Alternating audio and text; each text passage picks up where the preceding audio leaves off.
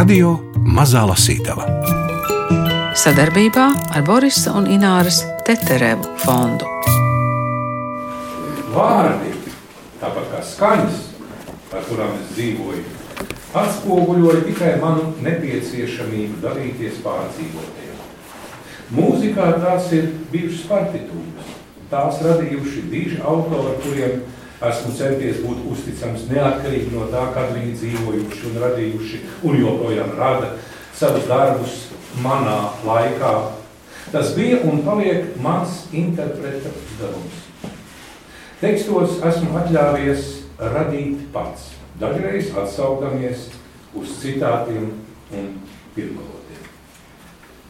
Gidons Krēmers ne spārnotas domas.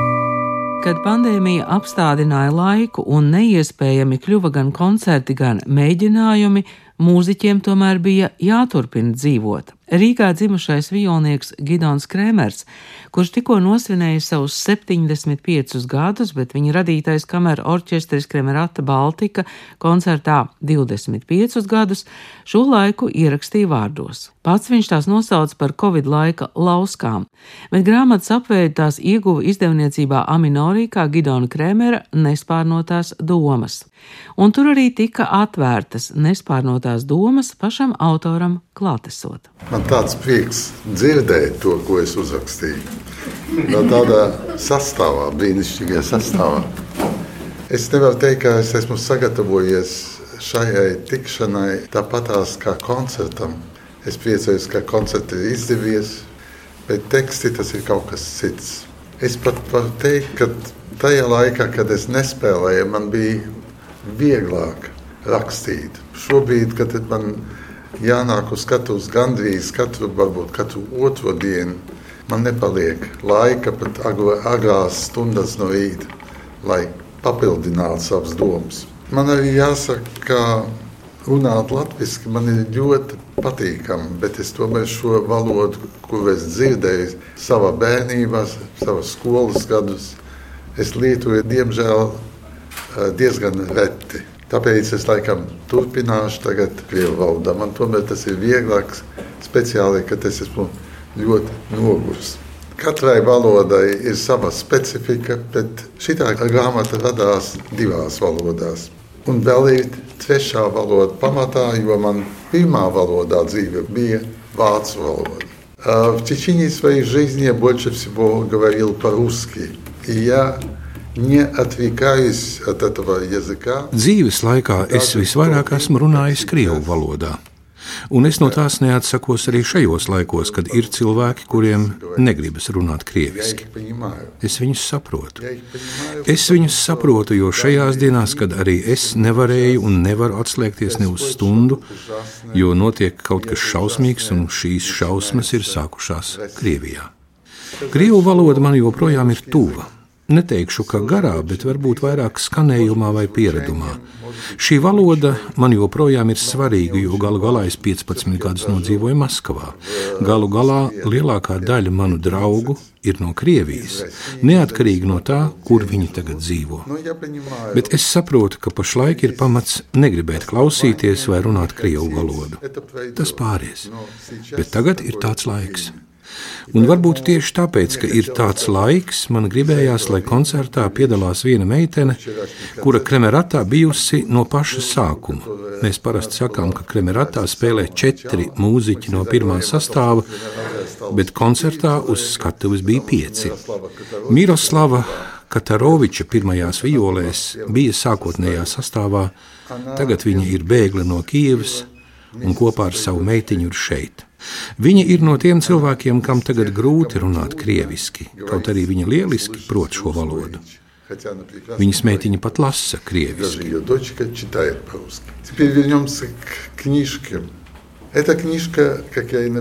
Tagad atgriezīsimies pie grāmatiņas. Tā ir radusies nejauši.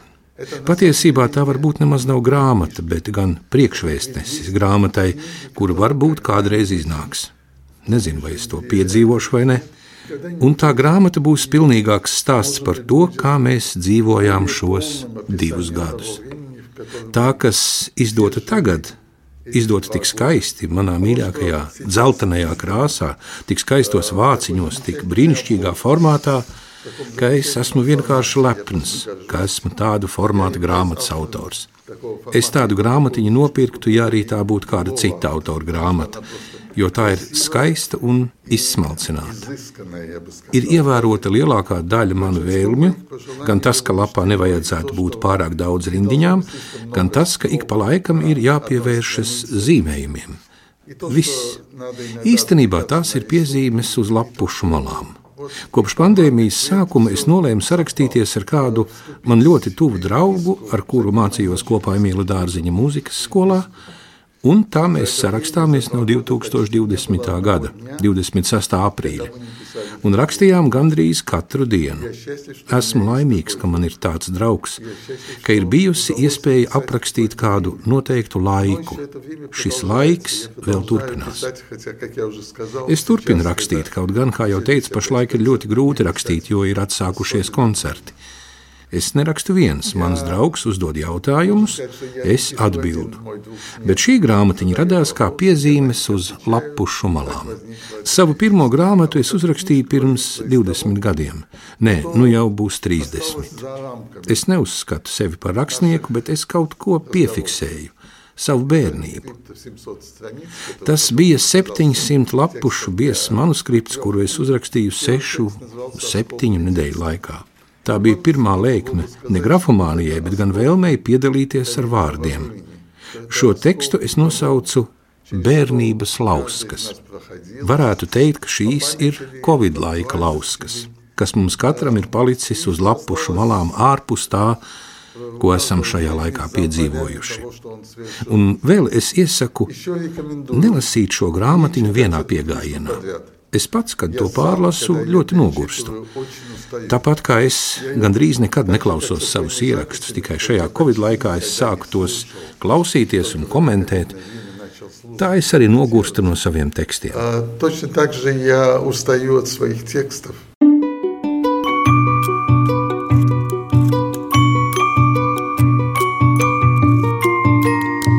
Radio Mazā Lasītava.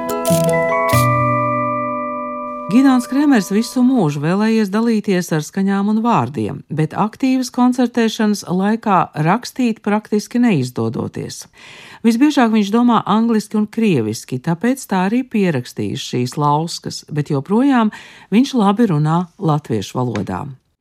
Radio mazajā lasītavā Gidona Kremera nespārnotās domas lasa abi tulkotāji - Eduards Liniņš un Gundars Āboliņš. Viņiem ļauts spēlēties ar valodām, vārdiem un domām. Vārdi tas ir tā kā, kā tas ļoti bieži mēdz būt, kad tulkotājam, kad viņš izlasa un vārdi jau ir skaidri. Bet kā to visu salikt kopā? Kādā secībā? jā, tā ir. Jā. Ir tāds teiciens, ka próza tie ir vislabākie vārdi, un dzēja tie ir vislabākie vārdi vislabākajā secībā. Un šī grāmata tādā nozīmē, protams, ir dzējas grāmata. Es gan arī prozai nenoņemtu to godu pareizos vārdus salikt pareizā secībā. Man drīzāk ir svarīgi tas, kā tas skan. Ir cilvēki, droši kas to vērtē ar aci, es redzu to teikumu, kā tas izskatās, pieslēdz to iekšējo dzirdi, vai es to varu izrunāt, un vai tas skan tā, ka tas liek man ieklausīties. Tu toreiz teici, ka atklāšanas reizē, kad ja kāds nu, ir tāds lasīšanas menestrelis, ja? jā, menestrelis. Un spēja izlasīt no sākuma līdz beigām vienā, nu, jāsaka, gan pagarā, bet elpas vilcienā, tad rodas cits iespējas nekā šo grāmatu, jebkurā brīdī atšķirot, jebkurā vietā un izlasot pāris atziņas. Grāmatas beigās rakstīts no krievu un angļu valodas, tulko Edvards Liniņš un Gundars Āboliņš. Man vienmēr ir bijis liels noslēpums, kā divi autori kaut ko var rakstīt. Mums arī. Mums arī. Brāļi kaudzīgi. Edu, Eduardam pie, pie, tas ļoti labais salīdzinājums. Ja? Tas ir divi vienā. Mēs nevar, tagad nevaram nesaprotam, kurš no mums ir šampūns un kurš balzāms. Mēs esam, tur viss ir tā sajaucies. Ir vēl arī trešais spēks, un tas ir redaktors. Eh, tā ir tā pudele. Un korķītis tad vēl ir ar to dozatoru, tad ir tas korektors. Jā. Iznāca jau kā iznāca, jo sākumā es uzņēmos viens to darbu paveikt, un tad kā tas mēdz būt, nu, lēna iešūpošanās, bet ar domu, ka nu, ik viens teksts jau tulkotājam atvers darba gaitā un kļūst ar vien tveramāks un ar vien vieglāk padodas, un uh, parasti notiek tāda ieskriešanās līdz vajadzīgajam tempam. Parasti jau tad galā tiek. Un šis nu, reiz nebija tas gadījums, jo tieši tas, ka tie, katrs tas sīkumiņš, katra tā domu kripatiņa, kas ir jādabū līdz kaut kādai jēgai. Un, uh, tur ir vārdu spēles, kuras ir vienkārši netulkojamas, bet arī, ja tās ir netulkojamas, tad pirmkārt tas ir jāsaprot, ka tās tiešām ir netulkojamas, vai kā tās uh, tulkojumā aiziet pārāk tālu no oriģināla. Un tad ir jautājums, vai to vajag darīt, vai to nevajag darīt. Un tad, un tad, brīdī... Uh, un tad kādā brīdī izdevējs sāk ļoti nervozs. Kā Liniņš ir ticis tikai līdz ceturdaļai, bet termiņi ir noteikti, jo termiņi ir saistīti ar maestro jubileju. Un tad, nu, tad bija tas kautrīgais jautājums. Mēs pazīstam arī Gunāru Aboliņu. Viņš arī kaut ko tulko.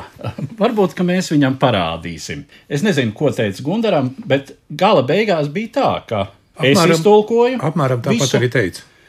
Es iztulkoju visu, un Gunārs iztulkoja visu. Tikai es ļoti lēnām tā kaut kā solītim, un Gunārs tā diezgan tādā sprinta tempā, var teikt, izauļoja cauri tam tekstam. Pagaidām, paga, un kas notika tālāk? Un tālāk notika tas, ka. Sajauts balzām ar šampūnu. jā, jā, jā nu, tad eh, mēs tagad varētu tā.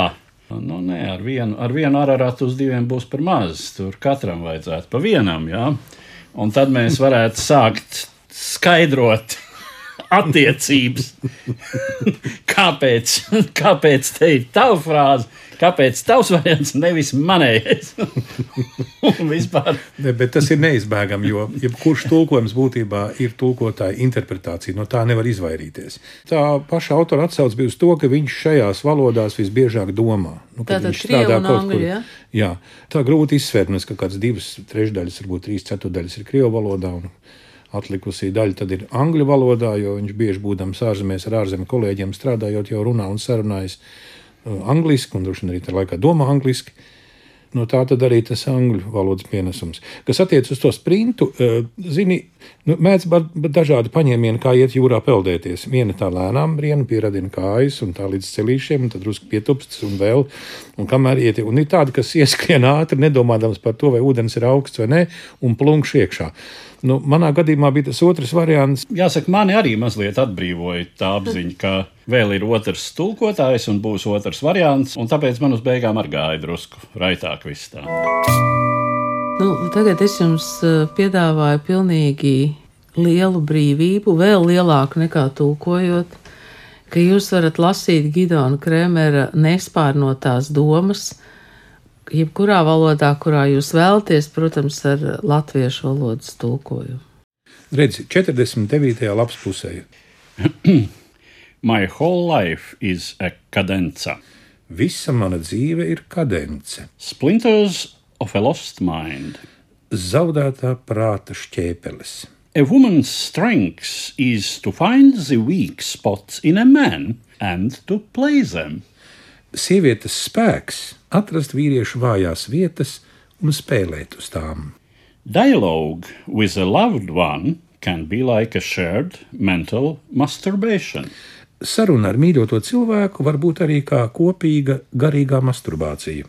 Johannes Brahms, the Secretary General of the German Composers Union. Johannes Brahms, Vācijas komponistu savienības ģenerālsekretārs. Substitutes. A partially naked lady is like a sugarless pastry. Aizvietotāji. Daļēji kaila dāma ir kā konditorejas izstrādājums bez cukura. Tāpēc, Edvards, palūkšu, ja mēs varētu tagad aiziet uz grāmatiņas beigām, kas patiesībā ir pašā sākumā. Nespēr no to stāstu. Jā, tā. Kurš lasīs krieviski, kurš latviski? Niekļa Latvijas skars. Snova edzina. Nespārnots stāsts. Atkal viens. Значит, свободен. Нет, одинок. Tā tad brīvs. Nē, vientuļš. А что тогда для тебя значит быть свободным? Bet ko tad tev nozīmē būt brīvam? Так вот, в самолете один, в аэропорту Мюнхена один, правда, водитель встретил, в машине один, в номере один, в ресторане за ужином один, потом в комнате за маком один, не позвонил по скайпу, послал ватсапку, остался один, спал один. Tātad lidmašīnā viens Minhenes lidostā, viens tiesgans šoferis sagaidīja uh, automašīnā, viens viesnīcas numurā, viens vakariņās restorānā, viens pēc tam istabiņā pie sava datora, viens nezvanīja Skype, nosūtīja WhatsApp, paliku viens, gulēju viens. Проснулся один и в 4, и в 5.30, и в... Не встал, как делал это часто, а додремал до 8, один. Pamodos viens, gan četros, gan pussešos no rīta, gan eh, necēlos kā bieži mēdzu, bet nosnaudu līdz astoņiem. Viens. Принял душ один, понял, что гостиница мой привычный дом один. Viens nomazgājos dušā, sapratu, ka viesnīca ir manas ierastās mājas. Viens. Спустился на завтрак в роскошном отеле. Вокруг никого, сам в маске один. Nokāpu uz brokastīm graznajā viesnīcā, visapkārt neviena. Pats maskā viens. Сел за стол, снял маску, оглянулся один. Apsēdos pie galda, noņēmu masku, paskatījos apkārt, viens. Подошла официантка и, как в воображаемом пионерлагере, сказала, что в буфете человек на 50 надо надевать не только маску, но и специальные прозрачные пластиковые перчатки. Послушался. Один. Pienāca oficiante un gluži kā tādā pionieru nometnē paziņoja, ka šai brokastu telpā, kas paredzēta 50 cilvēkiem, jāvelk ne tikai maska, bet arī speciāli caurspīdīgi plastikāta cīņi. Paklausīju viens. Понял, что предложенный завтрак вообще никак не для меня, никакой диеты. Но есть все же хотелось. Накормил себя, сидя за столом один. Вернулся в еще не убранную комнату, сел за компьютер один и пишу теперь тебе один. Sapratu, ka piedāvātās brokastis man nekādi neder, nekā veselīga. Taču ēst jau gribējās. Pabaroju sevi, viens pie galda sēdēdams, atgriezos vēl neuzkoptajā istabiņā, piesēdos pie datora. Viens, tagad rakstu tev. Viens.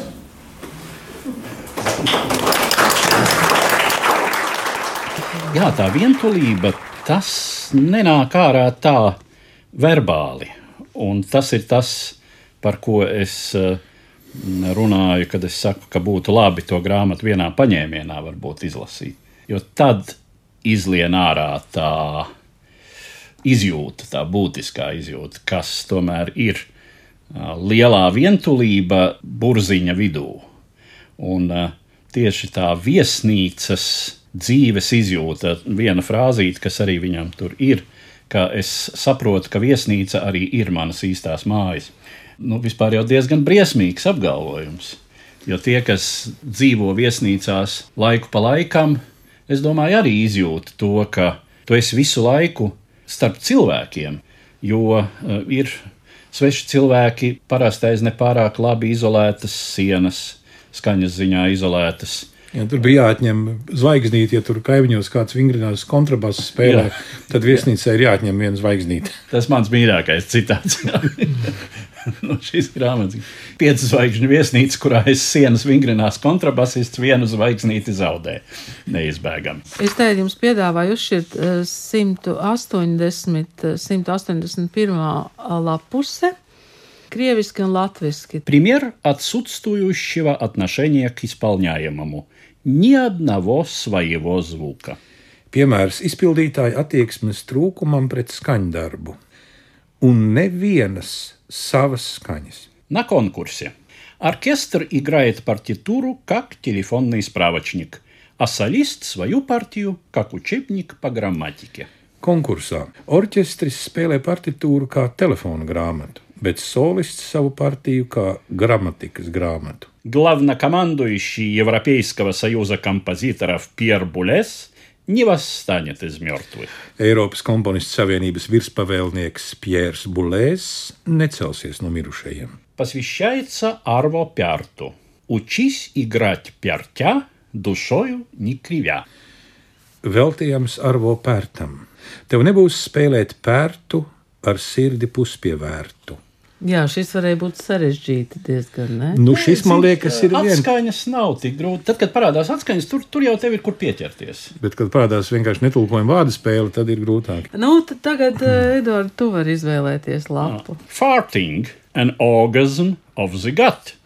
Cawing, the, an orgasm of the lungs. Sneezing, an orgasm of the nose. Pirmdienas, zarnu trakta orgasms, klepus, plaušu orgasms, šķēvas, deguna orgasms. I only feel at home when I play. Vien spēlējot, es jūtos kā mājās. Es domāju, ka ļoti zīmīga vieta. Ja? Yeah. А, имитируя французский акцент. Кремер. Всем кремериатам пример. Nu, tie ir no franču valodas šis tas ir. Ja? Atdarinot franču akcentu, uzsverot pēdējo zilbi kremērs, visiem kremerāniem piemērs. Man ir liels prieks par to grāmatas formātu, jo tas formāts, tas izmērs ir apmēram tāds, kā ir tiem evaņģēlījiem, kas mētājas viesnīcu Naktskapīšos. Jā, naktskapīšu atvilknēs. Vēl viens akcentiņš, kas, kas atkal velk uz to. Un var ielikt kabatā. Jā, Vai rokas somiņā, vai kā, bet tas ir precīzs izmērs un formāts. Arī vāku, pusmīkstie vāki, kā ceļvedim orķestra pasaulē. Precīzi tas pats, un arī par, par mūziku lielā mērā. Tā, kā tā ir tāda grāmata, ko ņemt līdzi. pašķirstīt uh, lidmašīnā vai uh, tiešām kaut kur viesnīcā.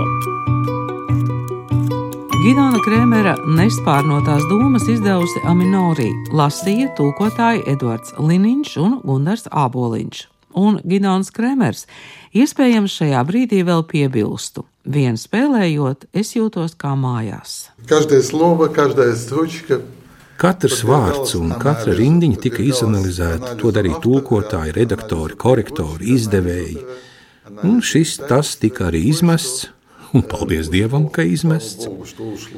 Ja jūs atradīsiet grāmatiņā kaut ko, kas jūsuprāt ir jāizmet, droši svītrojiet, es neapvainošos.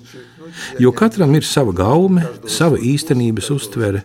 Es to saprotu un neuzstāju ne uz vienu rindiņu vai frāzi, tāpēc jau tās ir nespārnotas domas.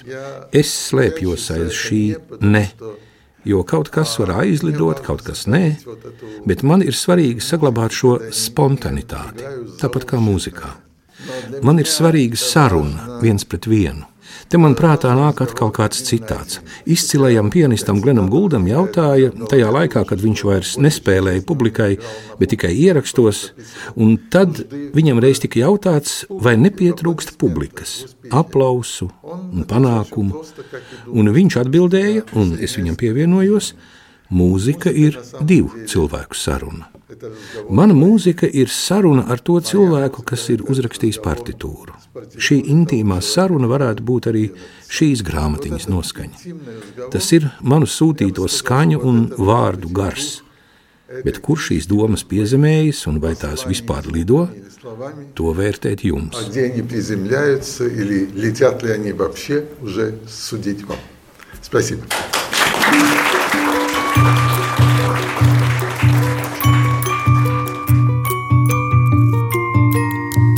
Radio Mazā Lasītava. Sadarbībā ar Borisa un Ināras Teterevu fondu.